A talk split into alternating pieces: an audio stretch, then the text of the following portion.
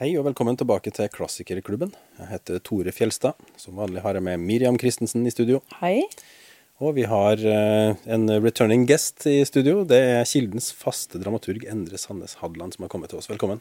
Jo, tusen takk. Det er veldig Jeg gleder meg til dette. Ja, men det, altså, du er ikke alene om det, skjønner du. Ja. Altså, vi har jo, det her heter jo Klassikerklubben. Vi tar jo for oss klassikere. Men nå skal vi jo snakke om noen ting som så ubestridelig er en klassiker. Det er liksom en av de største forfattere i den vestlige kulturkrets, kan vi ikke kalle det. Og, Ja. et, og antagelig hans viktigste Det det verk. det, det, man kan, ja, skal man si det er det det mest, det mest kjente populære? verket uten, altså, av skjønnlitterær natur som fins i Vesten? Kanskje? Det er jaggu ikke langt unna. Det er den Altså, mest kjente forfatteren i Vesten. Det det. Eh, eh, million dollar question for de som klarer å gjette det, det er jo selvfølgelig skalden sjøl, William Shakespeare. Og hva er hans mest kjente stykke? Det kan, står kanskje mellom to. Ja. Man kan diskutere hvorvidt Hamlet er mer kjent, men det er, det er Vi skal til The Star-Crossed Lovers. Den mest Star-crossed gjennomsyret av alle Som har gjennomsyret popkultur eh, siden, siden det kom. Romeo og Julie. Ja. Kanskje det er mest kjente verket. ja, altså det er ikke langt unna. Det Topp fem, i hvert fall. hvor mange ganger har den blitt filmatisert? Hvor mange filmatiseringer har vi sett, for eksempel? Hvor mange teateroppsetninger har vi sett? Hvor mange bøker er det som er basert på hvor mange historier? Det er liksom, det, det er så svært da, at det, det, det er litt vanskelig Og, og vi, hvor skal vi begynne? Men vi kan jo egentlig bare begynne med Altså, du sier eh, Hamlet og Romeo og Juliet. Jeg husker jo ikke engang plottet i Hamlet. ikke sant? Nei. Eh, Men for den som ikke husker det, hva, hva handler Romeo og Julie om? Hva er plottet i den historien? Eh, jo, det handler om eh, to tenåringer. Det ble ikke sagt hvor gammel Romeo er, faktisk, men vi regner med at han er tenåring, han òg. Men de er to tenåringer i Verona, som er i rivaliserende familier. Eh, Romeo han er en Montagu, og Julie er en Capulet. Eh, og de hater ikke hverandre. Vi skjønner ikke helt hvorfor de hater hverandre. Så De familie- fam- familiene, familiene ja. hater hverandre.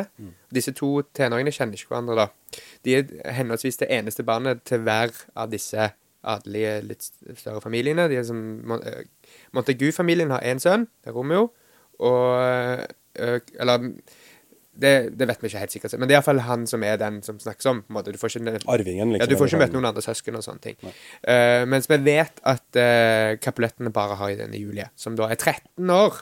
Uh, Snart 14. hun blir 14 om to uker, sier de. 13 og et halvt. Ja. Within the fortnight, er det vel de sier.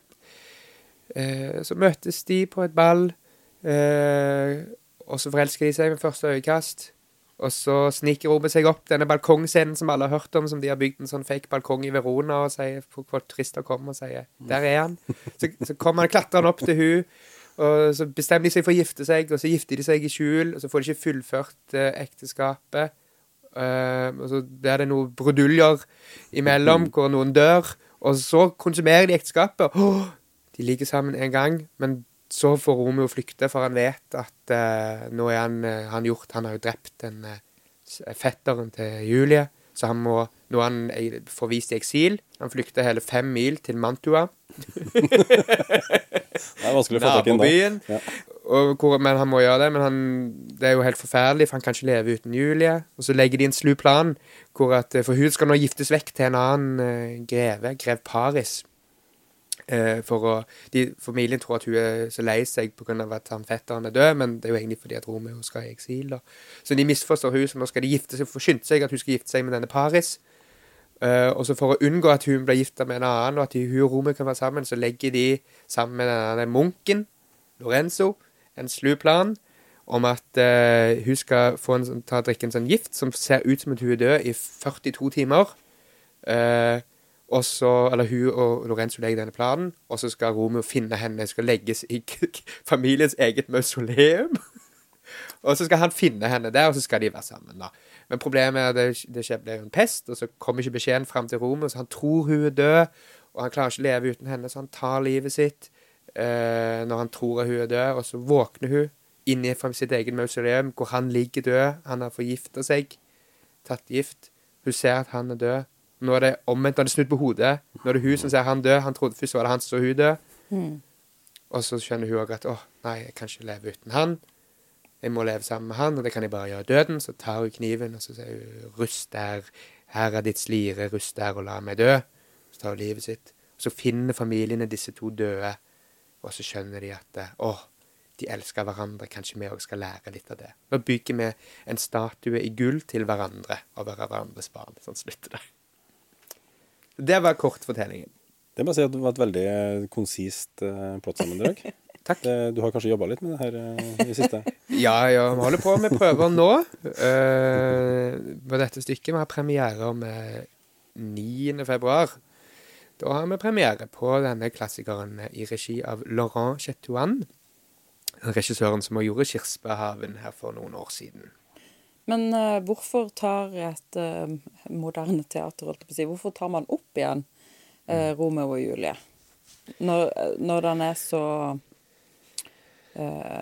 kjent og mye spilt og Er det litt sånn at det er bare et av de stykkene man må ha jobba Ja. på, eller må ha spilt, eller Det Det må bare gå hele tida, liksom. Ja, nei, nei, men Det er faktisk ikke så veldig lenge siden Kilden Teater gjorde Romeo og Julie heller, for barn, faktisk. En, eh, åtte år siden, eller noe sånt. nå, Hvor det ble gjort en Romeo og Julie-fortelling for barn. da. Men så, når vi skulle planlegge repertoar for dette året, så ser vi prøver å se på sånn helheter, når vi ser på sal og sjanger og sti. Altså vi prøver å finne et eller annet som passer inn i en sånn helhetlig plan. Og så visste vi at det var han Laurent Chetouan som skulle gjøre dette her. Han liker å jobbe med klassiske verk. Vi visste at vi skulle ha hovedscenen. Det vil være eh, Da er det jo ønskelig å kunne selge billetter på en eller annen måte. Ja. Du vil jo, Jo, jo, men det er en stor. Ja, det er en stor. Hva- I denne, dette tilfellet så var det en drivkraft i det at man har jo lyst til å Det er en sånn gyllen uh, Gyllen slott, på en måte, i programmet, dette her, for å bruke et godt norsk ord. Kanskje mm. på bedre ord, det engelske. Og da ville vi sette opp et eller annet som er kjent, eh, som er klassisk verk. Og da var det sånn Shakespeare det, Men òg Laurent hadde lyst til å gjøre noe Shakespeare, så det, mm. det var diskusjonen om hva hadde vært interessant å gjøre da. Han har gjort Hamlet før, han hadde ikke så lyst til å gjøre det. Eh, det var stor mellom Kong Lear og Romeo og Julie. Det var interessant å se på de. Den ene er veldig kjent, og den andre er jo relativt. Kong Lear er ganske godt kjent. Det er veldig få av Shakespeare-stykker som ikke er ganske godt kjent, vil jeg si. Sånn. Ja, det- det- Du har noen få som folk prøver seg litt i ganske mange, da. Så Jo. det er noen som ikke er Og det er mange uh, Grunnen til at de ikke blir spilt, er fordi de ikke er så gode. Ja. Men King Lear og Romeo og Julie er jo alle de alle, Nesten alle vil si at de er mm, blant de fem beste. Ja, ja. Så kort sagt så er det egentlig å, å sette opp et Shakespeare-stykke er jo egentlig det samme som at da vil folk komme. For man har lyst til å se disse klassiske tingene spilt ut på en scene. Det er, jo, det er jo en tiltrekning i det, bare i det. Sånn OK, Romeo og Julie, vi kjenner historien. eh, Hva kan vi gjøre Hva med kan vi det? gjøre liksom? med det? Hva er det i dag? Så det er så mye sånn Vi alle kjenner det, og det er jo eh, det, er, det er morsomt med, med Romeo Julie, egentlig. Er det, liksom sånn, det er jo ikke Det er virkelig ikke historien på en eller annen måte som er viktig. Så den er jo ikke spennende, fordi vi vet jo alle hvordan det går. Og ikke nok med det, det avsløres jo allerede i fjerde verselinje, nesten, at de kommer til å dø. Eller jeg tror det er veldig tidlig i prologen så har koret en åpning i den skjønne, skjønne Verona, som skal skal være vår skueplass. Uh, bla, bla, bla. Så kommer disse to til å dø, og forene to familier i kjærlighet. Så det er liksom spoiles allerede før stykket er i gang. I teksten. Shakespeare skrev det sånn. Det er ikke viktig hvordan det går, det er jo mer interessant hva er det det rommer den tiden der, da. Mm. Tragediens natur egentlig òg. Dette er jo en tragedie hvor man sier man vet at det går dårlig, så skal man sitte der og være bitter og sint og, og skulle ønske det gikk bra hele tiden. Men du vet at det går dårlig. Og det er jo på en måte hentet fra en sånn antikk tradisjon at eh, eh, i, i tragediene så visste vi før det begynte at dette kom til å gå dårlig. Ja. Altså Men i altså, klassisk tragedie så er det jo gjerne uh, Altså, du vet at hovedpersonen skal bli utsatt for noe forferdelig, og uansett hvor mye han prøver på å gjøre noe annet, så, så havner de der til slutt uansett. Ja. Og da som regel pga. en eller annen karakterbrist. Ja, eller skjebne. Eller skjebnen som bare må Ofte gå henger sånn. de litt sammen. Skjebne. Altså, det er liksom sånn Skjebne og karakterbristene henger sammen, og det er litt sånn eh, Sånn de, klass, de mest kjente klassiske tragediene, det er det jo allerede sånn Du får vite i Ødipus tidligere Han får jo denne spådommen at han kommer til å drepe sin far og gifte seg med sin mor. Mm. det er jo grunnen til at han flykter. Men det at han gjør det valget der, er jo grunnen til at det hele, hele, hele tingen skjer, da. Ja, ikke sant? For det er da det, det Men vi vet det i starten, og det er liksom ikke noe stor uh, spoiler at det kommer til å skje. Det, det blir sagt at det kommer til å skje. Mm. Koret sier det. Han vil ikke høre på det, og så flytter Samme litt i dette her. Vi vet de kommer til å dø. Det vil medføre noe godt. Tragedien, altså ordet tragedie Vi tenker at tragedie betyr at det går, det går, det går gærent, det går kjipt med folk. Men for, i, i den klassiske forstand så er ordet tragedie betyr rett og slett at det er, en, det er ingen annen vei. Det Mm. fins ingen valg. Det fins ingen det er, altså, Du er styrt mot Ja, det kommer til å gå Ja. sånn uansett hva du gjør. Det er tragedien, liksom. Gudene og skjebnen bestemmer, liksom. Ja. Og det- Normene spinner sine tråder, på en måte, Ja. som man tenkte her i, i, i Norden. på en måte. Mm. Det er litt den Tragedien stammer fra den dionysiske tradisjonen som var det. det er liksom, og det var det mest populære, på en måte. Du kan slåss mot skjebnen din, Ja, men det kommer ikke til, du kommer ikke til å vinne mot gudene.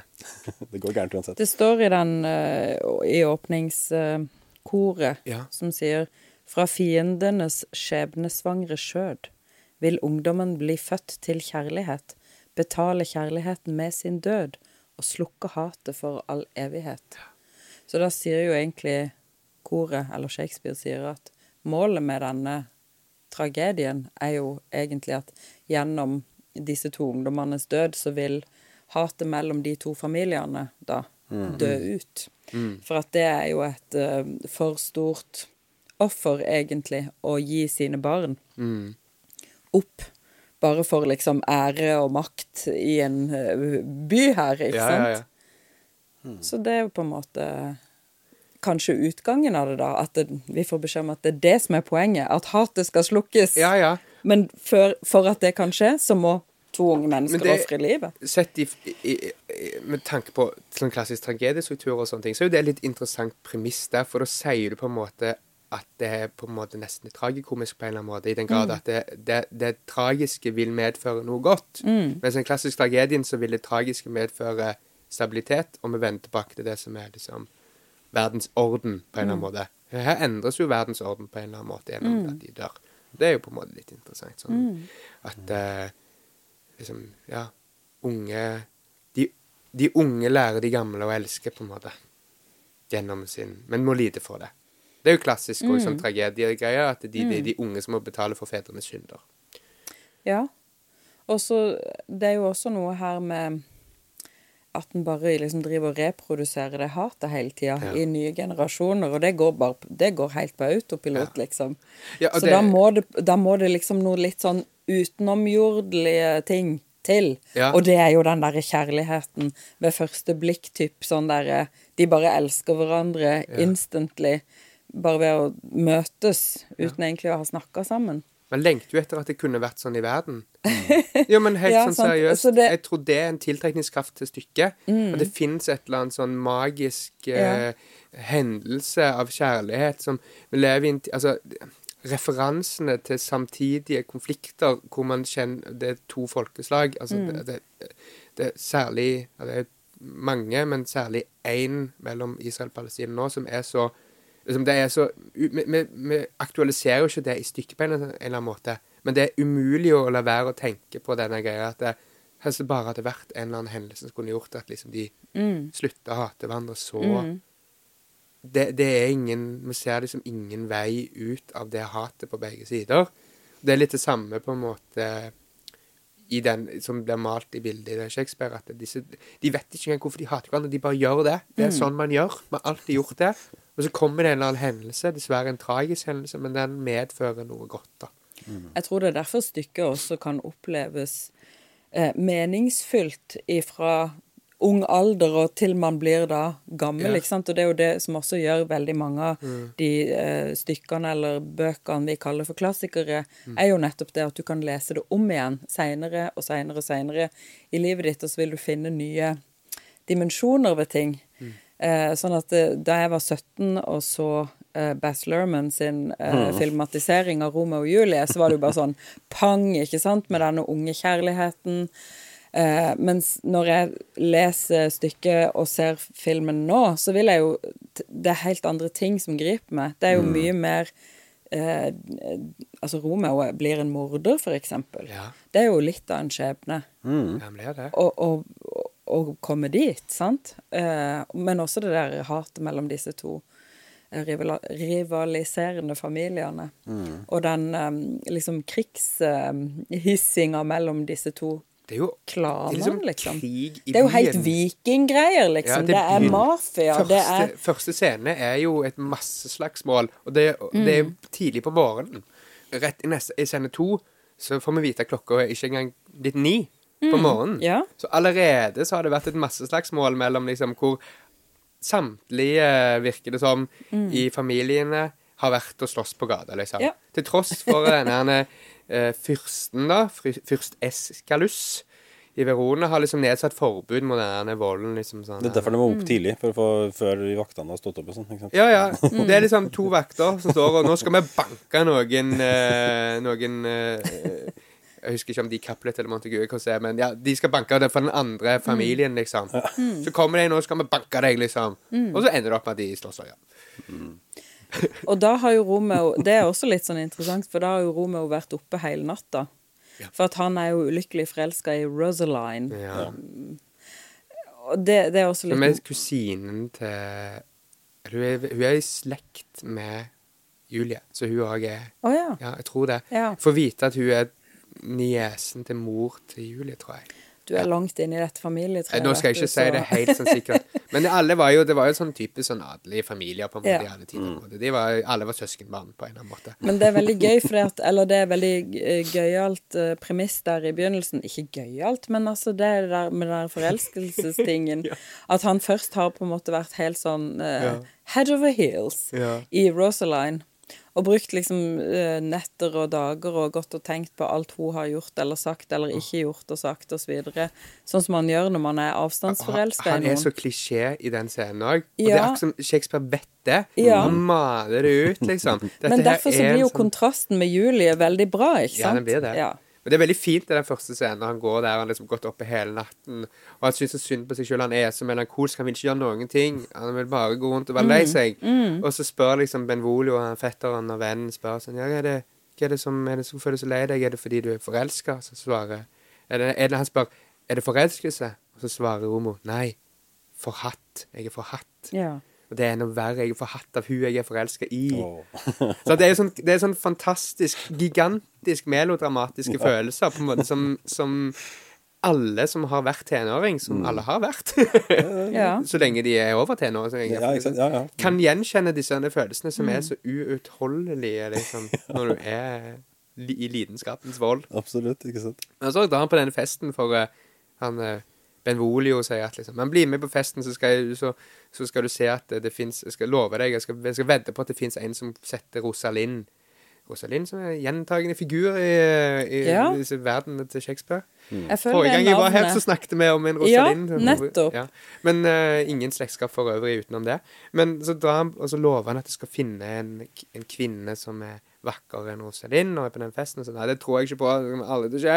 Mm. Og jeg skal i hvert fall ikke danse, sier han. Jeg skal bære fakkelen istedenfor. Er? Jeg blir aldri forelska igjen. Ja. Livet er over nå. Ja, de gjør det. Og så, og så går det som en gang han kommer inn på den festen. Så når han sniker seg inn, så ser han sånn Å, herregud, hvem var hun der der? Han har glemt Rosalind med en gang. Ja. Men sånn sett har jo egentlig Shakespeare ødelagt alt for oss alle. Ja. Helt siden han uh, uh, skrev Romeo og Julie. For at, Det må noteres som overskrift. Shakespeare har ødelagt alt for oss alle. Det er sånn, når det kommer til liksom kjærlighet, da. Fordi Mm. dette er jo en helt sinnssyk sånn arketyp av en forelskelse, ikke sant? Som, som er umulig egentlig å oppnå, men i litteraturens verden kan selvfølgelig sånne forelskelser Mm. skje. Eller på film, eller hva enn. Mens um, virkeligheten er jo alltid litt mer grumsete, da. Ja. Så han har på en måte laga sånn umulig sånn Altså, hvis ikke din kjærlighet er som Romeo og Julius, liksom, Ja. så kan du bare glemme det.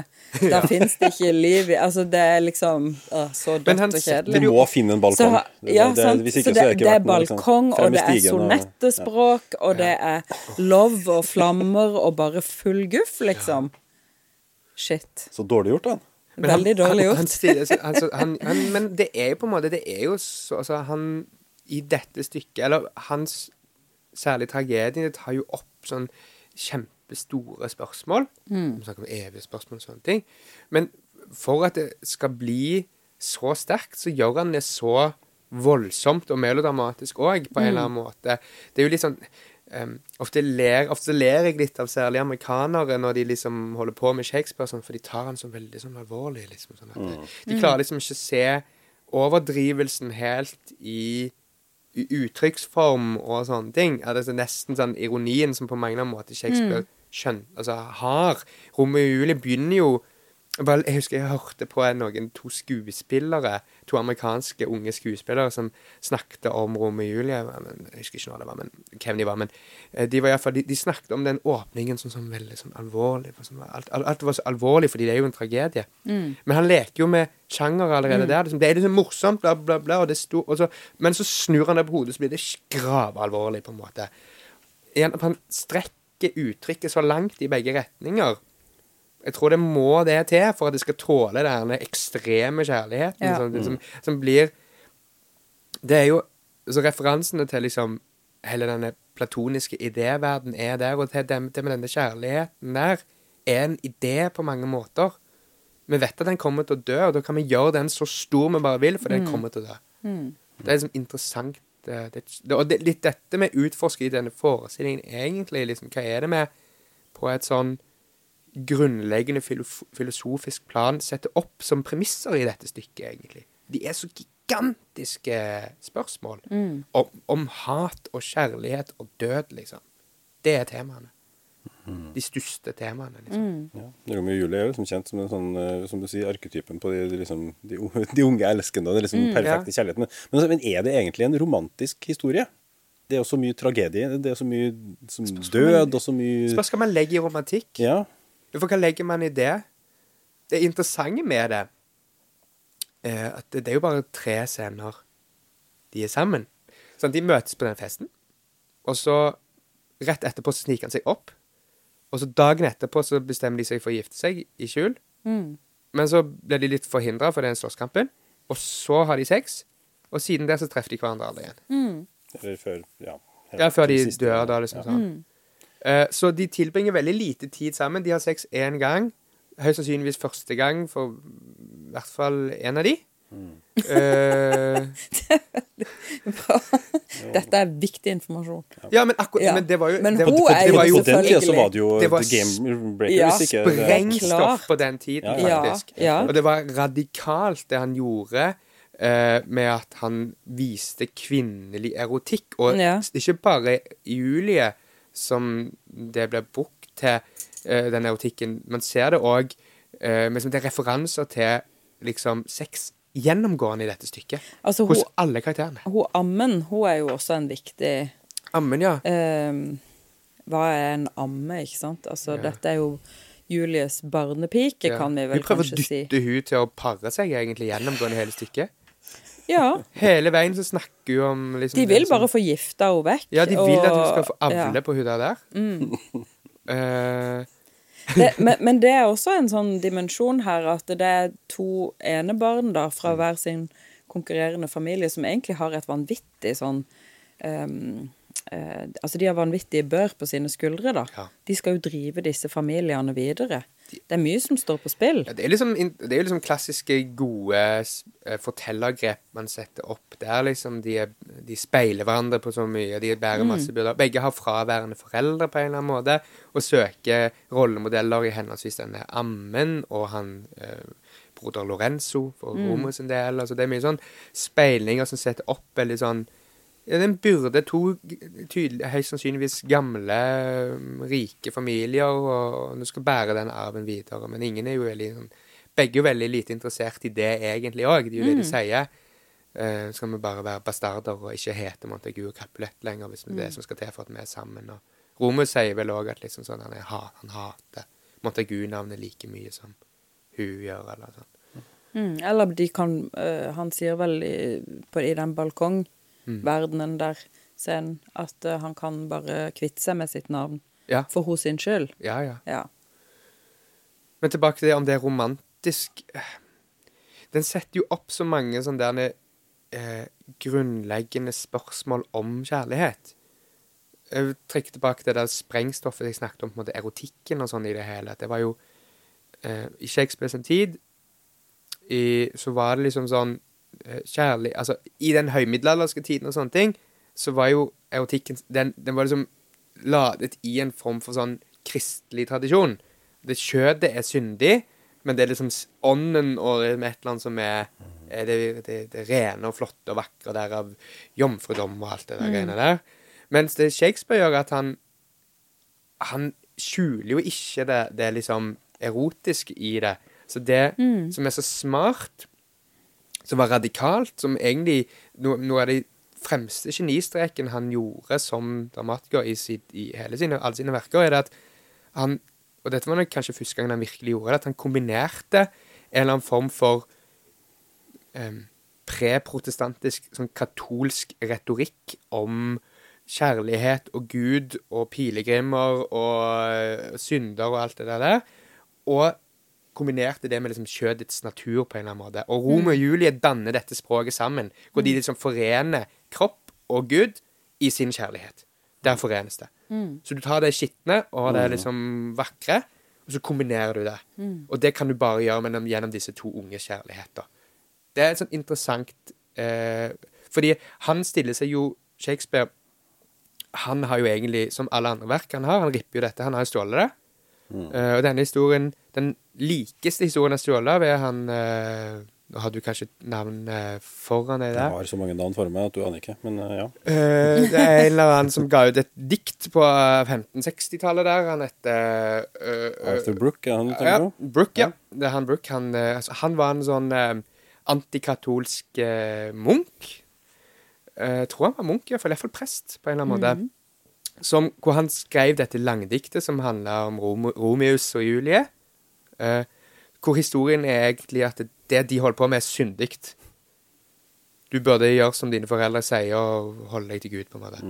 Det er en sånn cautionary tale. Ja, Liksom, det er egentlig sånn sånn det- kan det gå hvis du Ja, Ja. Det er, det er sånn den historien ble skrevet. Det er som Shakespeare gjorde, og det er nesten nøyaktig den samme historien. Det er bare minus noen karakterer, på en måte. Det er ikke så, altså, men det er inkludert denne Og denne broder Lorenzo er med òg i den historien, og han er virkelig sett på som en skurk. Det er fordi han er katolsk, da. Mm.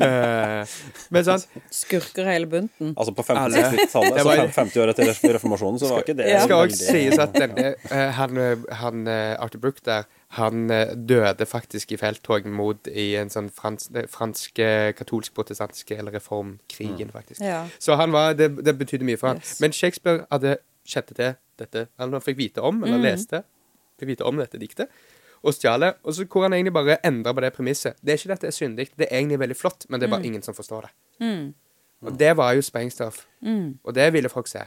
Det var nok hans mest populære stykke i hans samtid òg, faktisk. Ja. Men en av de tingene òg som er veldig kult, det er jo at eh, når Romeo møter eh, Julie på denne på dette ballet eller den festen, Mm. så lirer han av seg et par sånne strofer, da. Ja. Og da svarer hun med samme mynt. Ja.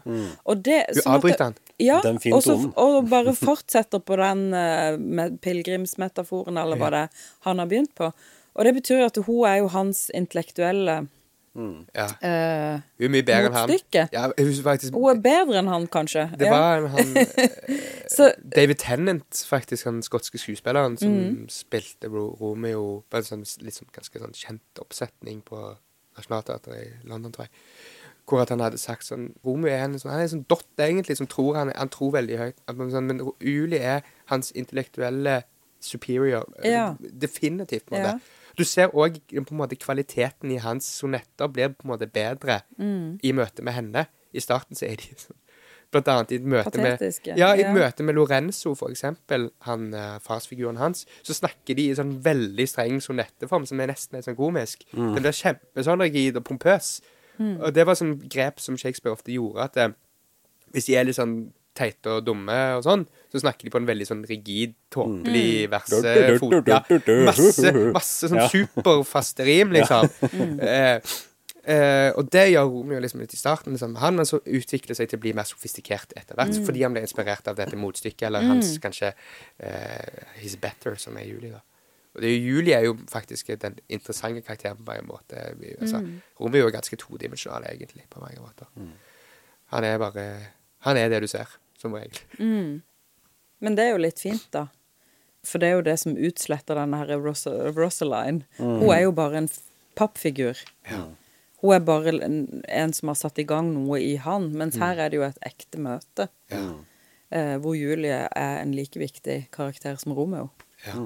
De er sidestilt. Det er litt. Det er jo kanskje litt eh, også grunnen til at denne historien virkelig står seg fram til vår tid, da. De er sidestilt, men jeg føler det er- litt, jeg, Det irriterte meg at det heter Romeo og Julie. Jeg liksom, men jeg, det spørs hva man setter først, men jeg syns Du syns det kunne hete Julie og Romeo? Hun er viktig Altså, det er Ja. på en måte Eller jeg syns Hun er så Det er liksom Det er ikke den nødvendigvis den største kvinnerollen i Shakespeare sine verker. Men han nevnte Rosalind på en måte fra Som dere vil, som, som er kanskje en større rolle, på en måte. Det kom rett i ettertid av dette stykket. Eh, men, men hun er så stor uh, Hun er Hun er på mange måter hovedpersonen mer enn han. eh, vil jeg påstå, både med tanke på hvor mye hun endrer seg, hvor mye kompleksiteten i rollen, og liksom hvilken motstand hun møter, sånne ting. Altså, I sånn klassisk tragediegreie som er Romeo bare mer offer for sine egne, liksom som du nevnte, sine egne byrder, på en eller annen måte. Han blir sint, så dreper han Tybalt. Han kunne, han kunne ikke noe for Det er sånn Din idiot, Det liksom. er bare blidde det sånn. Ja, det bare ble sånn. Det er jo hevn, og det Han er mann, han kan gjøre som han vil. Det er liksom det den verden her. Mennene kan gjøre som de vil, kvinner kan ikke det. Hun, Det er hun som blir tvunget til å gifte seg. Han blir aldri bedt om det. Nei. Så hun har mye mer motstand, egentlig. Han skaper sin egen motstand fordi at han er en idiot. Mm, Men der, er jo, ja, Ja, der ligger jo litt i det du sier om at det, altså det poenget du gjør om at hun er antagelig jomfru. Ja. Men, men om han er det, det er egentlig ikke så viktig. Nei, den, den, sånn. For han kunne jo gjøre hva han vil for at han er mann. ikke sant? Den der perverse greia hele greia med at liksom det skal, kvinner skal være så rene, med menn kan gjøre hva pokker de vil. Det er liksom sånn, mm. er liksom, ah, Men det er jo, sånn var det, og sånn er det jo nesten til vi skal denne. Vi bærer den arven med oss ennå, liksom. At eh, særlig kvinners seksualitet er så skitten, liksom. Uh, men Shakespeare utfordrer det, og det er jo ganske morsomt å tenke på at liksom sånn Se det for seg på scenen. Fordi Julie ble jo spilt av en gutt. Men det er derfor Det er nok en Jeg har en teori om Dette er min egen. Jeg holdt på å si. Kan godt være at jeg har Ok. hentet det fra noe annet, men at grunnen til at hun er så ung, er nok fordi de måtte ha en skuespiller som ikke hadde kommet til stemmeskiftet ennå, som måtte være tilnærmet at han kunne være Ja. realistisk at han var det. Eh, for sånn var det de gjorde det. For at jeg husker liksom Så da måtte de dytte henne litt ned i alder. For han, han, han, han snakker så mye om hennes alder i starten. Det er ikke som at han prøver å avklare sånn Det er, liksom, det er greit, dette her, liksom. Det, er derfor det, ser ut som du gjør på scenen. Jeg tror mange feiltolkninger eh, av, og lesning av stykket og lesning av den er sånn at Ja, men det var vanlig at de giftet seg når de var 13, på en måte. Det var ikke så vanlig i, i Elizabethan England, og det var heller ikke så vanlig i liksom de italienske bystatene på Altså, man giftet seg når man var voksnere enn det. Eh, det tok litt tid å finne en passende, passende match, på en måte. De må regne at den gjennomsnittlige giftealderen var faktisk sånn 18, mellom 18 og 20. Ja, plass, sånn voksen, tross alt. da. Ja. Mm. Men eh, altså, du nevnte jo Arthur Brooke, eh, og hvis vi har eh, tid til det kunne, jeg, altså jeg har jo dykka masse Jeg liker jo å se bakover, jeg. Det, Ja, ja. Sånn er jo bare jeg lagd, da. Men, Det gjorde, han, det gjorde ikke han òg. Skalden sjøl. Han Ja. så bare bakover. Det er godt å høre at jeg er akkurat som Shakespeare. For altså, han Arthur Brooke som skrev det her diktet som du Mm. snakker om, som ble popularisert videre av en som het William Painter, som lagde, ga det ut i prosaform rett etterpå. Stemmer det. Eh, De baserte seg på en italiener som het Matteo Bandello. Som også en sånn person som jeg kunne tenke meg å lese mer om, for han var både soldat og munk, ble biskop etter hvert, yeah. men er mest kjent for, som novelleforfatter. Yeah. Og spe- skrev noveller som ble oversatt til fransk og spredt over hele Europa. Så både liksom Cervantes Som eh, alt annet på den tiden. påvirka, ble påvirka av han. Ja, ja, ikke sant? Og flere Shakespeare-stykker som kommer fra noveller som han her Bandello har skrevet. da. Eh, altså Kjøpmann i Venedig, regner jeg med. Nei, det er det faktisk ikke. Oh, men, men Cymbeline, Much Ado About Nothing og Twelfth Night og sånn, og Romeo og Julie, da. er Han shoppa masse av de greiene der, Shakespeare. Ja, ja, ja. Ikke Han må sant? ha fått tak i en av de der samlede greiene, nesten. Og så bare sånn lagde han fem Helt stykker fra Italia. men, men, alle fra men det samme region òg. ikke sant? Og det ble jo sirkulert, og det var kjempepopulære ting. Alle er fra samme region. Ja, og det er litt sånn festlig, for at De er fra nordøst. Ja, og han, eh, Veneto. han, der Bandello, Ja. han baserte seg igjen på en som var en, før han. Ja. Det, her, det, her er så, det, det her er sikkert eh, mange doktorgrader som ligger i det stoffet Ja, ja, her allerede. Eh, Men en som heter Luigi da Porto, Ja. som eh, skrev eh, på 1520-tallet. Nå Vi er altså da skal vi se, 1590, vi er 70 år før Ja. Shakespeare. som kom med en novellesamling, som det kalles, da. eh, hvor en historie heter 'Historia novellamente ritrovata di due nobili amanti'. En gjenoppdaget historie om to adelige elskende. Mm. Om, om Romeus og Giulietta fra slektene Montecchi og Capelletti.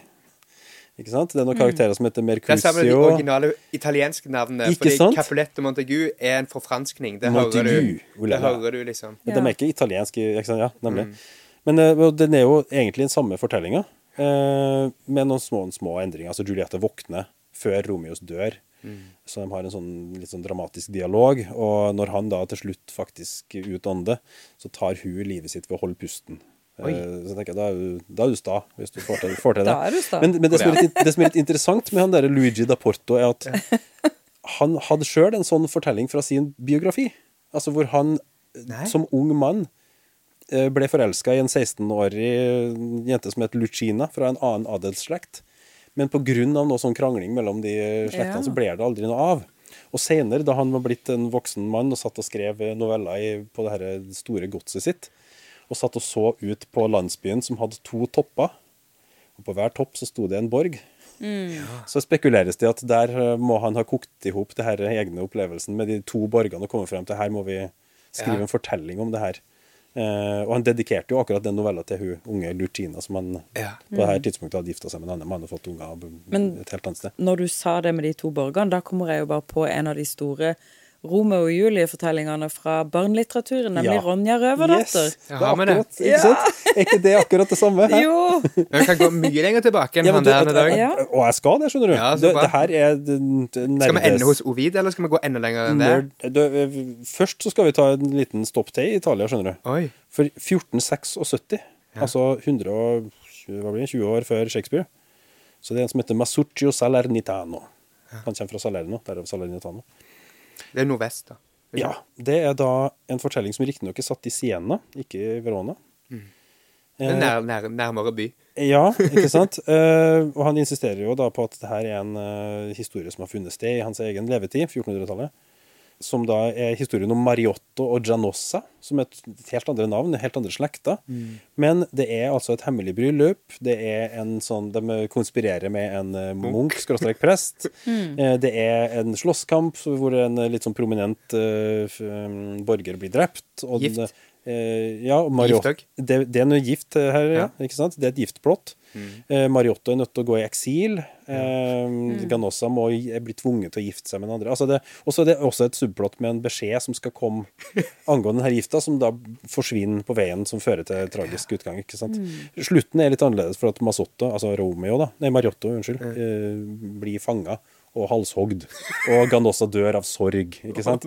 Så, men, men det går jo ikke bra. Men, men det er interessant at du nevner det med Ovid, for at før det så det her er jo på en måte den tidligste sånn pre-Romeo og Julie som og, og det her er jo forska mye på, så jeg vil tro det kanskje ikke finnes så mange andre. Det er vel på en måte begynnelsen av renessansen vi ender Ja. opp på nå, egentlig òg, da. 1476, ja. Men før det så blir det jo en slags sånn viskelek. For at da, det her er jo ikke noe altså, To unge elskende som ikke kan få hverandre. Det er jo et ganske sånn Det er et ur... Jeg tror nok at det, blir, motiv, det er litt interessant akkurat det, fordi at man snakker om sånn denne, hvordan man henter i renessansen henter opp det antikke greiene. Mm. Og da henter man jo Det var jo osmanerne som gjorde det mulig, egentlig, at de på en måte åpna biblioteket og delte det eh, Altså eh, det, eh, eh, Romerriket, eller Bysants, på en måte, var jo de, de, Der var det liksom Det var jo ortodoks, og alt som ikke var Alt som ikke var kirken, var jo ikke velkommen, på en måte.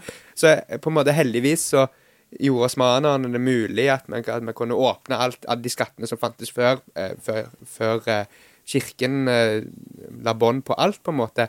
Så det er interessant å se at da Men jeg har en sånn følelse av at man snakker i teaterhistorien i hvert fall om at det er så mye muntlig overlevering.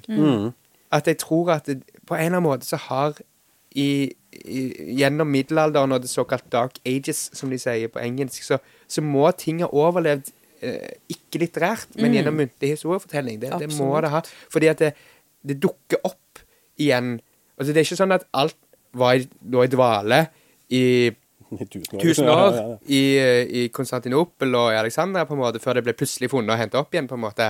Det, det, det, må, det må ha levd der ute. Det er ikke alt som fordi, Men det er på grunn av vi òg som eh, Eller historikere de har jo bare tilgang til de faktiske levningene, de kildene og de forminnene som faktisk er liksom konkrete. De har jo ikke peiling på hva folk snakket om. Så, men de har en sånn Sånn som historiefortelling fungerer, så er det jo liksom sånn Sagn og myter vet vi er først og fremst overlevert muntlig. Og det tror jeg Jeg har en drøm om at liksom Sånn som Romeo Julie, da. Hvis han kom fra antikken, kanskje.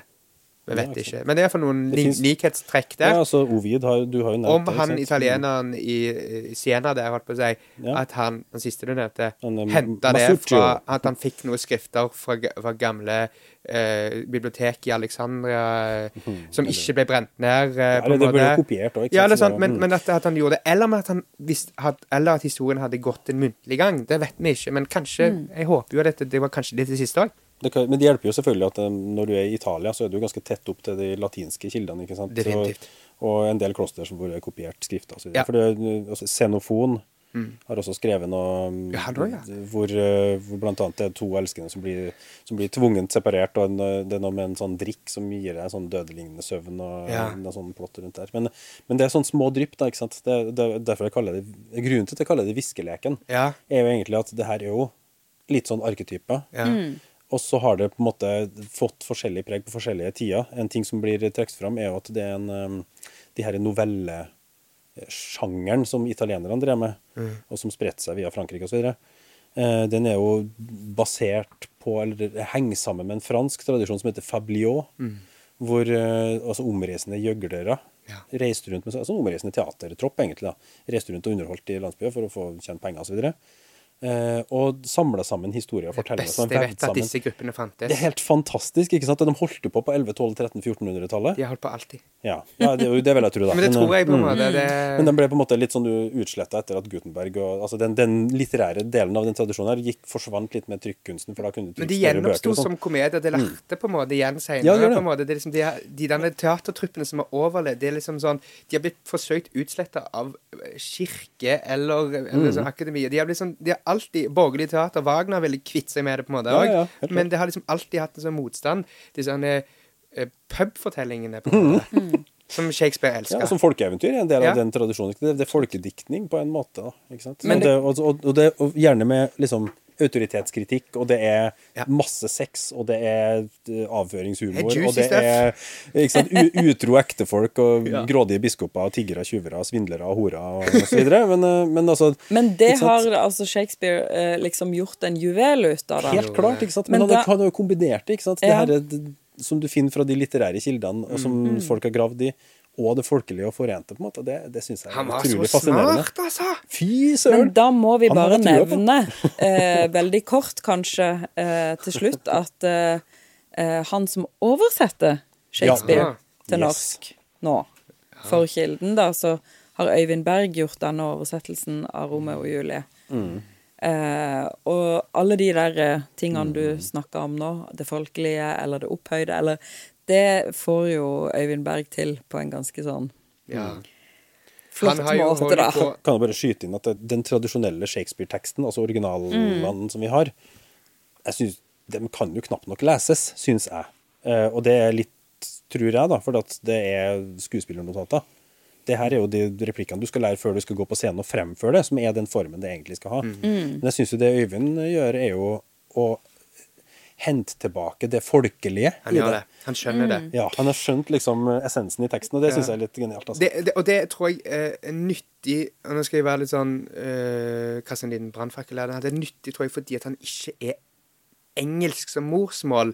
Akademikere og forskere som jobber med det. Det, det er en sånn ærefrykt Mm. knytta til de elisabetanske periodene. Ja.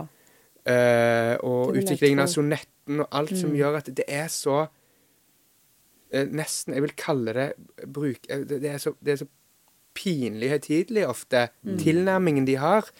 Som jeg tror Shakespeare hadde snudd seg i graven over. liksom. Dette Ja. er ikke Det er ikke ment som noe Det er ment som folk for, Det skal være tilgjengelig for alle. Det var liksom det som var De spilte for folk. Det var ikke bare borgerteater de gjorde. på en måte. De, de, det var jo priser for etter inntekt. Sånn sett så var jo den Bass Lerman-filmatiseringa helt i Shakespeares ånd, da. Definitivt. For at den gjorde jo Romeo og Julie, men også dette Altså, det som er kult med den filmen, er jo at man eh, Altså, alle replikkene er teksten. Ja. Så det er, jo ikke, det er jo ikke et sånt forsøk på å liksom modernisere teksten. Det er bare det visuelle som er modernisert, ikke sant. Sånn at du faktisk får en sånn derre Du blir Du får sånn der dobbel sånn pang inni hodet ditt når du ser det, for du får den derre eh, de sier 'de' istedenfor 'you', ikke sant? Og bare det, når du er 17 år og ser det, så blir du blir bare helt ko-ko. Ja. du begynner å hoppe av glede. Det er så gøy. At du kan se sånn eh, den klassiske litteraturen på en sånn ung, kul, rocka måte.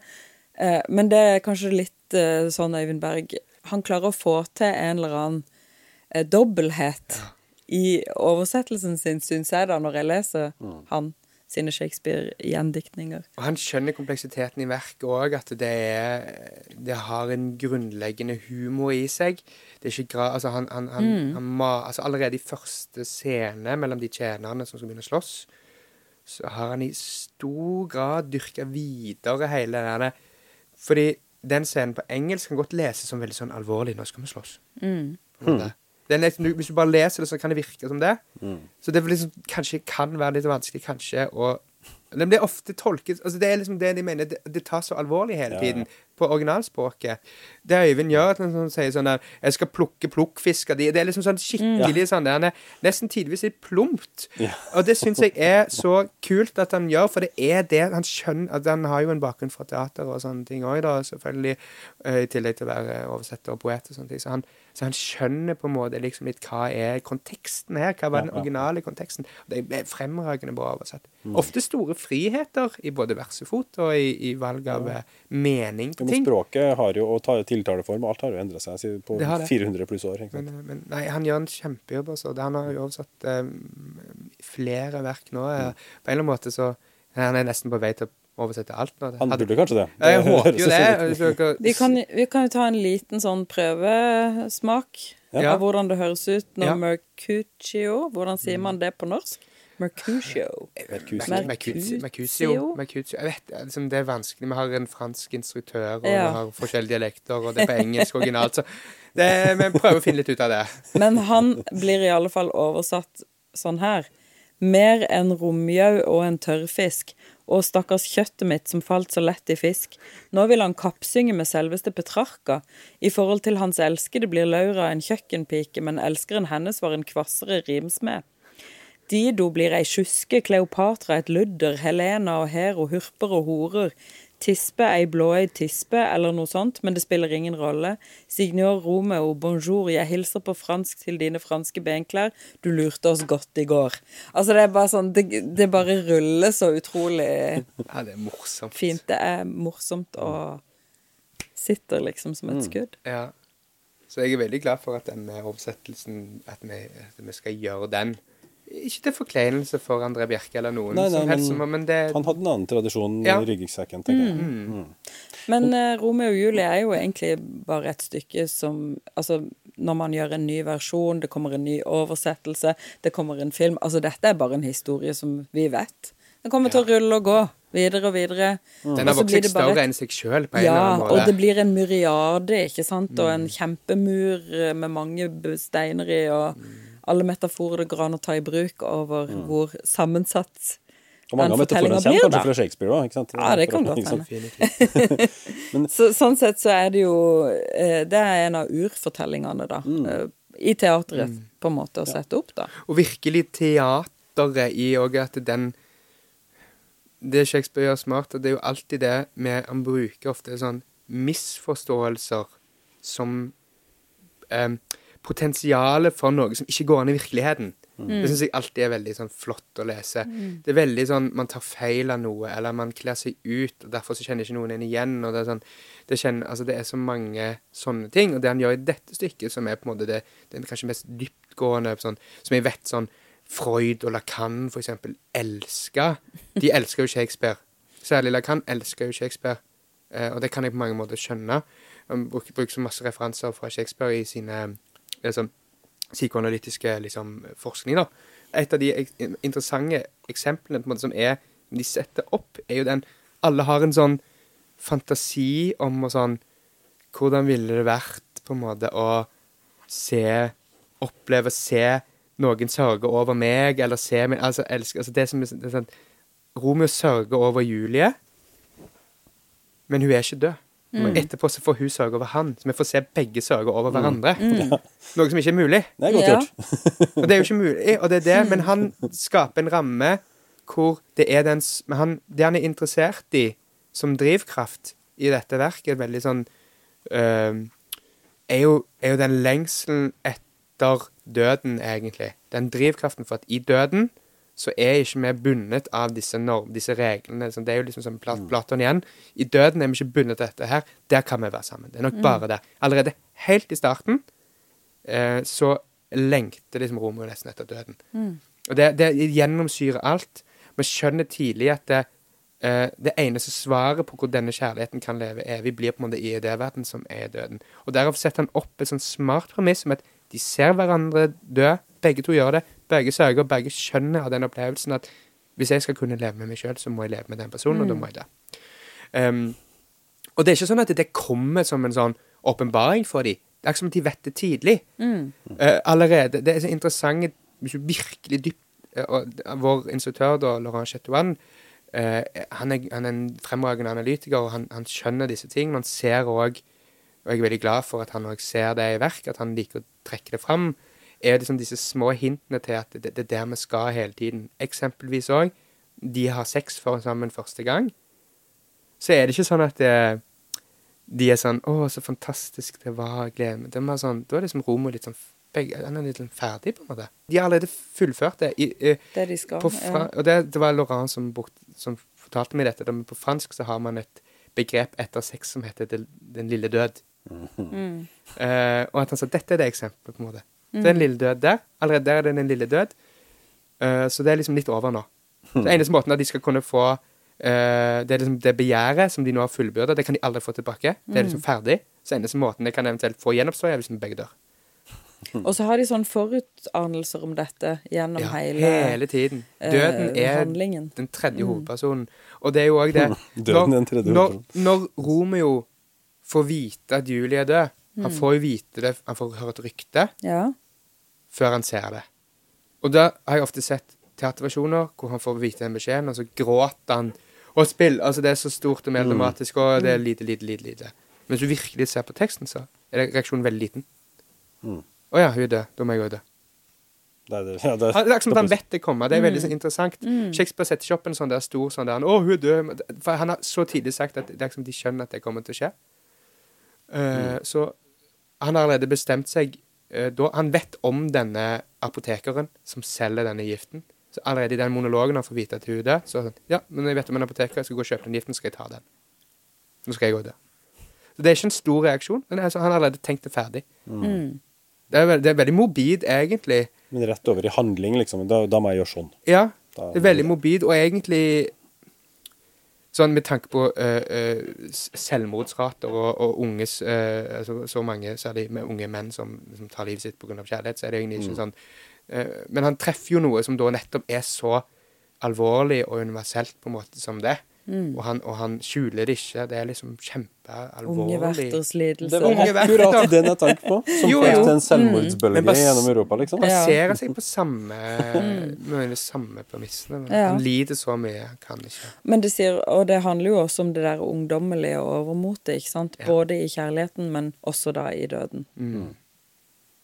Ja. Og det er skikkelig sånn morbid, den slutten òg, de inni det Det er mausoleet. sånn supergotisk. Ja, det eh, er, det er så Ja, det er så goth, liksom, Ja, hele det er greia. Inni et mørkt mausoleum. Han bryter seg inn med brekkjern, og der ligger knoklene til alle forfedrene til alle kapulettene. Det er så Det er det er ganske vemmelig egentlig hva han faktisk skriver. Shakespeare, liksom, Julie sier at liksom, Skal jeg være her inne fange, når, før hun skal ta giften, så er det det skal jeg, Hva hvis han ikke finner meg? Så jeg fanger inni der. inni det mausoleet med mine forfedre. Skal jeg danse dans makabre med mine forfedre. Helt til jeg blir gal og tar livet mitt med med, med lårbeinet til en av mine Til femur of one of my answers, og skal slå meg i hjel, liksom. Det er helt sånn skikkelig grafisk, egentlig, liksom sånn der. Og det er som hele eh, døden òg blir en sånn personifikasjon, som liksom de perverse. på rommet sier sånn Døden har allerede hatt sex med Julie, sier han liksom, når hun ligger død, liksom. Det er derfor hun er så vakker. Liksom, Døden har allerede hatt sex med henne. Liksom, det er sånn, liksom. altså, sier ikke det, men det er det som er subteksten, da, på en måte. Tydelig.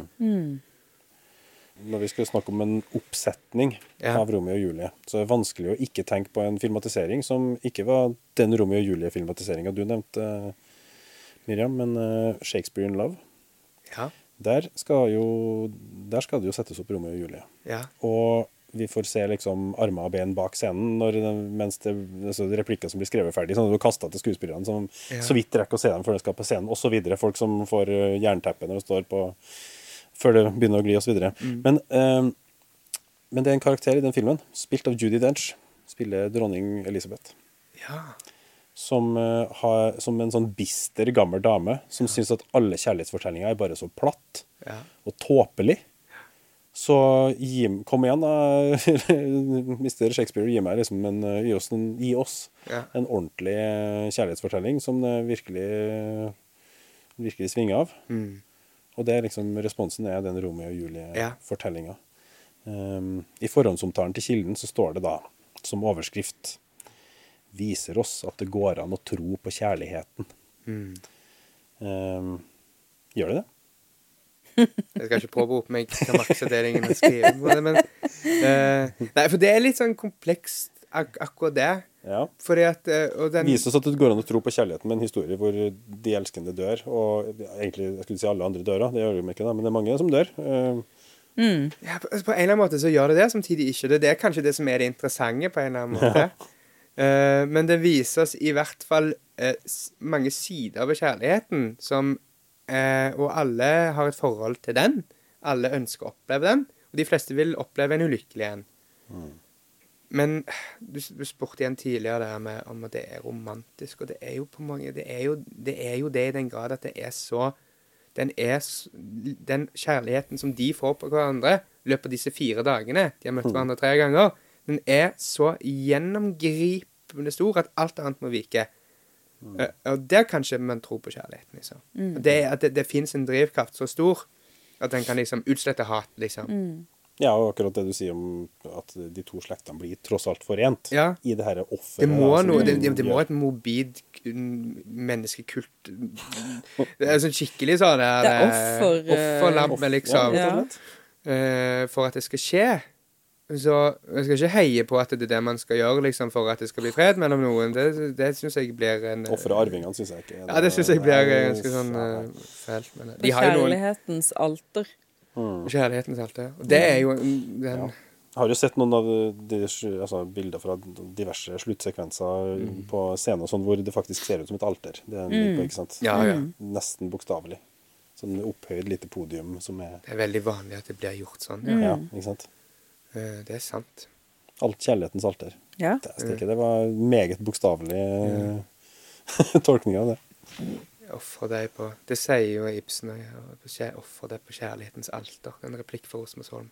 Ja. Disse dramatikerne har jammen meg ødelagt for oss vanlige folk. Hvorfor skal jeg være så dramatisk hele tida? Med disse umulige kjærlighetshistoriene som man går og lengter etter. For det er jo det som er interessant, ikke sant? At det ender jo veldig, veldig dårlig. Men hvorfor vil man da egentlig ha den kjærligheten som Romeo og Julie har? Hvorfor er det en sånn arketypisk eh, det- type forelskelse og det, kjærlighet? liksom? jeg tror det Er det verdt det? Jeg tror det er nettopp derfor det er en miste- tragedie. Det er Ja. det som er så smart. Fordi at du kan se paralleller med denne 'Midtsammenlagt strøm'. Veldig like på mange måter. Eh, De skrev rundt samme periode òg. Men hvor det, er det er så tydelig at vi skal ha en tragedietanke med dette her, blant annet med den prologen som er starten. er et smart, et en tydelig grep for Shakespeare. Han sier på en måte det er dette som kommer til å skje. Da kan dere tenke at det er dette. Da kan dere være glad for at det ikke er dere. Ja. Ja. Det er liksom Vær det som er litt tragediens Jo, Det er det som tragediens natur er det. Ja. At vi liker å se andre lide, så slipper vi å måtte gjøre det. Mm. Men vi kan få en erkjennelse. Liksom, sånn. Og det var disse tingene Brecht for eksempel òg ikke likte så godt. Man man plagdes over med teater. var det at liksom sånn Vi skal ikke sitte der og tåle at det er sånn det skal være. Mm. Vi bør bli forarget over at det er sånn. Vi burde stanse det. i Brechts tankegang så ville han jo stanse det før de hele tatt begynte med det dumme prosjektet med det brevet og giften og alt det der. Men tragediens i sin klassiske natur er jo det at vi skal sitte der og tenke at åh, det er godt at det er ikke meg, men det, for det måtte jo gå som det måtte gå. Jeg Vi skjønner skal det. få katarsisen ved Vi å skal gjennomleve det, det og de har. gjennom at Ja. det ikke er meg. Ja. Noen andre kan, det er det er jo så fantastisk med, med kunsten og litteraturen, og, men også kanskje særlig teater, at det er noen andre som lever det på scenen. De later som de gjør det, på en måte. Du skal bare være glad for at du har et litt middelmådig kjærlighetsliv. For hvis du hadde hatt brennende kjærlighet som dette, se hvordan det går. Ja. Da går det i dass. ja. Det går, eh, det går bra med familiene, da. Det, det, Ja. ja, det er jo det de gjør. Og det er jo det man ser som en mer øh, voksen leser, da. Så ser man jo mye mer kanskje de fortellingene enn nødvendigvis denne veldig brennende unge kjærligheten. Er jo egentlig bare til bry. Eller vi håper iallfall at, det- vi håper at det går bra. Det er veldig sånn påstand at eh, nå er, nå, de står der, disse to fedrene, da, og så utveksler sånn der de løfter til hverandre. 'Nå skal jeg bygge en statue av din datter i gull.' Mm. 'Jeg skal bygge en statue av din, eh, begge to i gull', som vi skal sette opp her, liksom, og det er store løfter og sånne ting. Men, men eh, det interessante med det òg, hvis du virkelig går inn i det, som er nesten litt trist, faktisk, egentlig, at det baserer seg jo egentlig bare på eh, den gjenfortellingen av hva som skjedde, som Lorenzo kommer med. Liksom han, de, han gjenforteller hva som har skjedd. Og den som, det som blir fortalt, er en veldig sånn forenkling og veldig tolkning. Det er det de foreldrene får vite om. Så det, og det er vanlig Shakespeares grep, egentlig at han oppsummerer litt hva var det egentlig som skjedde her i fortellingen. Eh, for å runde av, sånn at alle, alle i salen, de som sto og ropte og drakk litt for mye, òg får med seg hovedpoengene. liksom. Men av den forenklingen av den komplekse fortellingen, så avledes denne såkalte freden, liksom. Det er ikke, de har ikke vært vitne til det. De, de har fått en erkjennelse basert på noe som en annenhåndsberetning, egentlig. Som tross alt er en ko-konspiratør. eller hva man Som en kokonspiratør, en Ja, annenhåndsberetning. Den er basert Det er ikke direkte løgn, men det er forenklinger potensielt. er sånn- Og misforståelser vil jeg også påstå, kanskje også litt grann fra Ja. hans side. Så de to slektene er venner? For now. Ja. Litt sånn, men hvem vet? ja, for vi vet jo ikke hvorfor de utgangspunktet har hverandre, får vi aldri vite. Nei, det vet de sikkert ikke sjøl. Nei, de gjør ikke. Det er sånn typisk, Sånne familiekonflikter finner du overalt, Ja. faktisk. Ja.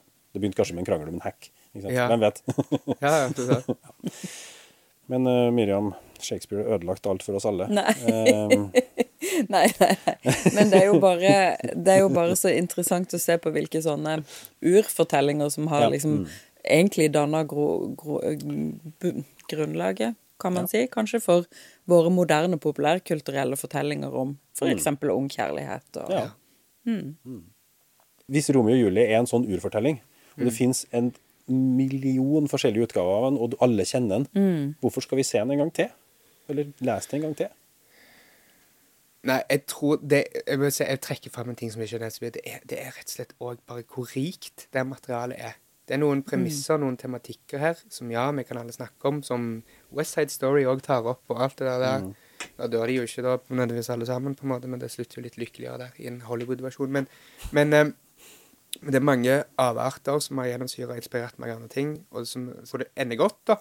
Men det er et materiale som er hver Det er så ladet med, med innhold. Alle disse lange versegreiene. Det, det har eh, Man blir plutselig så overraska over alt som fins i det, på en måte. Alle små historier der, og små relasjoner her, og kompleksiteten i det. Men òg de store, virkelig store spørsmålene som er Men jeg, jeg, vil, på, jeg vil påpeke én ting som Sånn som For å komme og se det, da.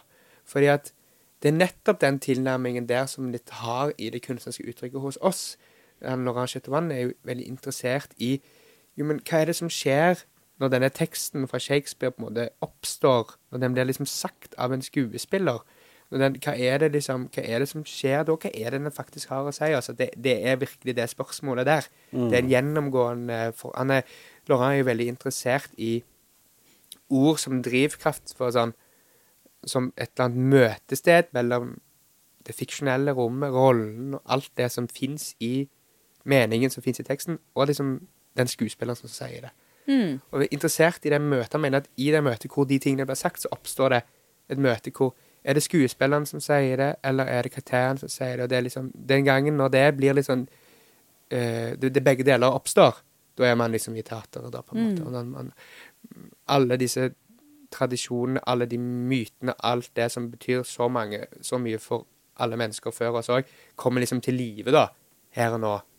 Gjennom at en skuespiller sier dette, og finner det Og ikke bare at han sier ordene, men men når vi snakker, så er det òg en fysisk handling. Det skjer et eller annet i rommet. I, Det skjer en eller møte annen med et magi. publikum også. Ja, i møte med, Mm. med det ordet som er skrevet. At den forsøker å si det. Mm. Det er en veldig sånn interessant metodikk. Veldig vanskelig. Skuespillerne strever jo voldsomt med dette her. Den er, det er veldig krevende. Eh, så alle, eh, Det er sånn delt mellom at de syns det er helt fantastisk å jobbe med Laurent, for at han er, det er litt som å være på en slags teaterskole igjen, på en måte. Han er ute etter en kvalitet som er dette møtet hele tiden. Mm. Ja, som ikke kan defineres. Så Nei, det er liksom, å definere. Jeg vil ha det. Det er sånn Det, er- si. du, du må liksom finne litt i deg sjøl, Ja. På en eller annen måte. Du vet ikke helt hva det er, men du ser det når du er der. Ja, liksom. det er liksom det. Og de gangene det fungerer altså, Men så skuespillerne river seg i hodet Altså, jeg har jo snakka med en del skuespillere som eh, er liksom sånn, sånne type prosesser. Jeg skjønner jo ikke hva de snakker om. Nei, nei. Aner jo ikke er- de- Hvor er de mentalt? Det høres ut som en veldig sånn en flåsete idé når man snakker om det, sånn, men, men, men man, resultatet når det fungerer, Mm. Opplever man som publikum er ganske sånn uh, intenst, på en måte. Men, Mm. men det, det er nettopp det som er litt kunstnerisk. Det blir vanskelig å teoretisere det. Det er en kroppslig følelse, egentlig.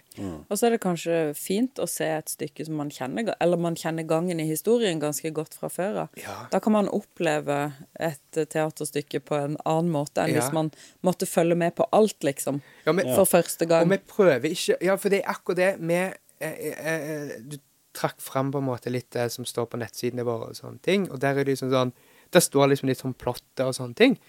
Uh, og det er en helt sånn naturlig måte å, å, å snakke om et stykke på. Jeg begynte med å snakke om plott og sånne ting, også, men det som er med dette stykket, plott er egentlig ikke så veldig viktig, for vi vet hvordan det kommer til å gå, og det er veldig plumpt. Uh, det er en sånn kombinasjon av en farse og en litt sånn ikke veldreid uh, tragedie på mange måter. Det er litt sånn det er ikke så interess Det er ikke spennende, liksom. Det er ikke det det handler om. Det er hva det hva det symboliserer, hva det inneholder i den kjærligheten, hva det inneholder i det hatet, hva det inneholder i liksom All tematikken er Når man snakker om det, hva er det, når man sier det, hva er det da som skjer? Ja, At de dør, er ikke så viktig, det vet vi. Så er jo hele tematikken Det er jo så skjebnetungt. Ja. Og der tenker jo jeg at det er i en veldig kontrast til vår tid, Ja. hvor ingenting er skjebnetungt. ikke Ja. sant? For det, vi tenker ikke sånn lenger. Og så får, men, men det vekker jo egentlig noe veldig dypt i oss, for det er veldig naturlig for mennesker å tenke i sånne mm, baner, holdt jeg på å si. Ja. Altså Det er naturlig for oss å tenke i magi og skjebnetunge veier, og, og vi kan jo mange ganger få en følelse av at ting er skjebnetungt, uten at vi klarer å sette ord på det. Ja. Men da gjør liksom Shakespeare det for oss, da. Fordi det var en mye mer naturlig måte å forholde seg til livet på, kanskje. Uh, for noen hundre år Ja, siden, da. Godt mulig, men iallfall så var det deilig å oppleve det i teateret. Ja. Ja, og se, og se det i konsentrert form, da. Ja. Liksom, teater er jo på en måte eh, min gamle professor eh, på, på, i, i dramaturgi, Janek Sjetkovskij, pleide alltid å si sånn Noe som alltid kjennetegner kunst og teater, er at det er mindre komplekst enn den virkelige verden. Ja. Så det er alltid en reduksjon av kompleksitet. Meningsdannelsen spisses, og man får en sånn konsentrert speilbilde, vrengebilde, et eller annet på virkeligheten som kan fortelle oss noe, eller som kan si oss noe om Ja, som lager en en refleksjon, da, Ja. i eh, Det prøver, Den som sitter prøver der. ikke, Vi prøver ikke å være realistiske i dette. Prøver ikke å fortelle altså, hele slåsskampen i starten. Sånn, vi prøver ikke å Jobber ikke hardt med å få det til å bli sånn perfekt Nei, heller jobber litt, jobber litt mot det. De bare sier at de slåss. Hva er det, det er det som står i teksten? Nå, å, nå dreper jeg deg, liksom. Nå skal se døden i hvitøyet, Benvolio, liksom. Ikke at han står der eh, Det er ikke en, det er ikke en sånn liksom. kvarters eh, sekvens hvor du klatrer på alle møblene og hopper ned Nei, og det, den, det, det, er en helt eh, kurant måte å Jo, gjøre det på. Det er mange som gjør det. Baz Luhrmann gjør det. Mm. Uh, men vi prøver noe annet. Det er Det veldig forskjellig fra hva Baz Luhrmann holder på med. Ja. det Sånn så kan du se den før eller etter, og så kan du sammenligne de to. ja. Hva likte man best? De er veldig forskjellige uttrykk, men det er akkurat samme teksten. Ja. Eller bare oversatt av Øyenberg, da. Han har ikke oversatt Baz Luhrmann. Du får den dubba med Øyvind Berg sin tekst. Det hadde vært kult. Vært. Men jeg syns jo, det er interessant hvordan eh, en nyoversettelse sånn som den til Øyvind Berg da kan gjøre at du oppdager nye ting. Ja, i teksten og ser at liksom, ja, det, plutselig oppdager en ny side ved en karakter. Det, Ja, det det, det, noe ting framstår tydelig. Ja, det ligger jo ting i den oversettelsen der òg som stuss, altså man må stusse over, fordi at man plutselig trodde man skjønte Eller blant én replikk som vi trekker fram, som Vi må se hvordan vi lander på det i stykket. fordi at det er når Romeo sier er sånn Ja, jeg bryr meg ikke om å bli funnet. Så det er sånn Jeg husker ikke hvordan det er på originalen. Jeg skulle gjerne hatt det nå, men han, han sier liksom sånn eh, Det er ikke klart av engelsk om han sier 'dersom du elsker meg, så la de finne meg', eller 'men elsker du meg ikke, la dem finne meg'. Så det er ikke helt klart. Noen moderniseringer på engelsk så er det oversett til at liksom eh, 'Men dersom du ikke elsker meg, så la de finne meg, la meg dø'. Mens andre går til 'Men dersom du elsker meg, så la de finne meg, og la meg dø', for det er bedre for meg å leve eh, Å dø nå i visshet om at du elsker meg, enn å liksom eh, enn, enn at liksom å leve i evig pinsel av at du ikke elsker meg, på en måte. Det er en ganske viktig replikk, Men, men, det, men, egentlig. men det er på en måte Jo, men plutselig så slår det oss Og Ja. Øyvind har foreslått det eh, Det siste det er at eh, jeg vet at du elsker meg, da kan jeg dø. Ja. Det er bedre for meg enn at jeg må leve evig og vite at du ikke elsker meg. Han er godt for det. Det er ikke sikkert vi ender opp der. Vi får bare se. Laura ville helle egentlig først mot den andre versjonen. Jeg vet ikke hvor han er nå i tanken. Men det er liksom interessant, for det Men det er bare I oversettelsen så får det en helt annen, så vi må, Ja, må ta noen valg. Fordi det er ikke klart på engelsk hvordan For det Språket er litt annerledes kanskje da enn det er nå. Vi vet ikke helt. Men det endrer jo hele motivasjonen for karakteren, så det er veldig det, Både i, I den scenen, i hvert fall. Men, både, men Ja. uansett så summer de det samme. Ja. Det, det summer det samme, det forholdet mellom at liksom sånn Kjærligheten og døden går hånd i hånd, Ja. og det, det er liksom så, Det er mye av det samme, da. Blir vi ferdig med Romeo og Julie en gang? Nei. Nei, nei, nei. nei. Nei, nei, nei. nei. Blir vi, blir vi ferdig med å snakke om det? altså- det, det, Nei. det er alltid noe nytt å Jeg tror, ta altså, tak i. men den har, som dere har nevnt, den har allerede Den har gjennomsyra så mye av den europeiske, særlig den eh, amerikanske den vestlige kulturen så mye. Men den har også spredt seg langt utover det. Jeg tror den er Den har eh, Jeg tror du skal reise litt langt før du møter noen som ikke har hørt den tittelen der. Mm. Jeg tror, og, og, men og som jeg heller ikke nødvendigvis er bevisste på hvor mange inspirasjoner, eller hvor mye inspirasjon den har gitt. Så mange romaner og filmer og andre teaterstykker og musikk og alt som har latt seg inspirere av dette her. Alt mulig, ikke sant? Så, Altså, han skulle bare visst Shakespeare hvor Ja. stort dette var. Jeg tror han var dødsfornøyd hvis han visste det. Det var liksom det, ja, det for målet var jo å underholde folket. Det er jo lykkes med det, da. spre denne historien, og alle de tematiske krumspringene vi nå holder på med nå, som det rommer, da. Eh, det er jo kanskje det som gjør at vi gjenbesøker Shakespeare på ny og på ny, er at det, vi blir alltid nesten litt overraska over hvor mye man kan snakke Altså hvor, hvor godt han konstruerer enkle plott, enkle, enkle ting, med hvor mye de rommer av eh, eh, samtaleemner, da. Altså, det her er kunne det, det, det her, Vi kan snakke i timevis, men uh, Jeg har lyst til å sitte mye lenger, så jeg kan ha så mye eh, Men det, er derfor, Fikk ikke sagt det er jo det og det og det og det. Det er jo hovedsalgspitchen til hvorfor folk skal lese dette i klasseklubben, og forhåpentligvis komme og se det i Kilden. Uh, det er jo rett og slett fordi at man kan sitte og snakke om det så lenge. Eh, det er så lett å snakke om det. Det er nettopp det er ganske tilgjengelig. Det setter ikke opp masse uh, uforståelige intellektuelle ideer som ikke har noe tilgang til. Det er ikke viktig at det skjedde i Verona. Eller, for det, er altså, Shakespeare hadde ikke engang vært i, utenfor England sine landegrenser. sannsynligvis. Han hadde ikke peiling. Kunne ikke italiensk. Han kunne kanskje litt fransk. Eh, men det var ikke mye. Ja, men til og med navnene er jo liksom eh, Ja. de, er, de er mer fransk enn italiensk, Ja, ja. men det er jo ikke sikkert det er så farlig. Så han bommer jo òg, på en måte. Sånn, Verona òg faktisk var ikke en selvstendig bystat. Den var under Venezia på denne tiden. Sånne ting. Så, så det er ikke så han, han, er, han, han har jo ikke peiling. Det er ikke viktig at det var da. Det er nettopp det. Det, er liksom, det, Det kunne er- vært hvor som helst på en måte. Liksom. Yes. Ja. Og det gjør kanskje også at det er lettere å altså, Den kan faktisk settes hvor som helst, fordi det er selve Derfor folk Historien kontekstualiserer den hele tiden. Mm. Garantert noen som setter det opp med eh, Hvorav en person hvor Julie er palestiner, romer og israeler, f.eks. Mm. Vi hører om disse historiene hele tiden. Og Det er garantert noen som gjør det, og det, det skjønner jeg. For jeg tror den sier så veldig mye om det at vi ønsker jo ikke at vi skal hate hverandre. Vi ønsker at noen kan lære oss å elske, liksom. Jeg tror det er Alle lengter etter det. Ja. Det tror jeg skal få lov til å stå for, som siste ord for denne gangen. Tusen takk, Endre, for at du ville komme i studio og snakke om Romeo og Julie med oss. Altså. Jo, tusen takk for at Takk. dere kom. Det var veldig gøy. Og takk for at du hørte på.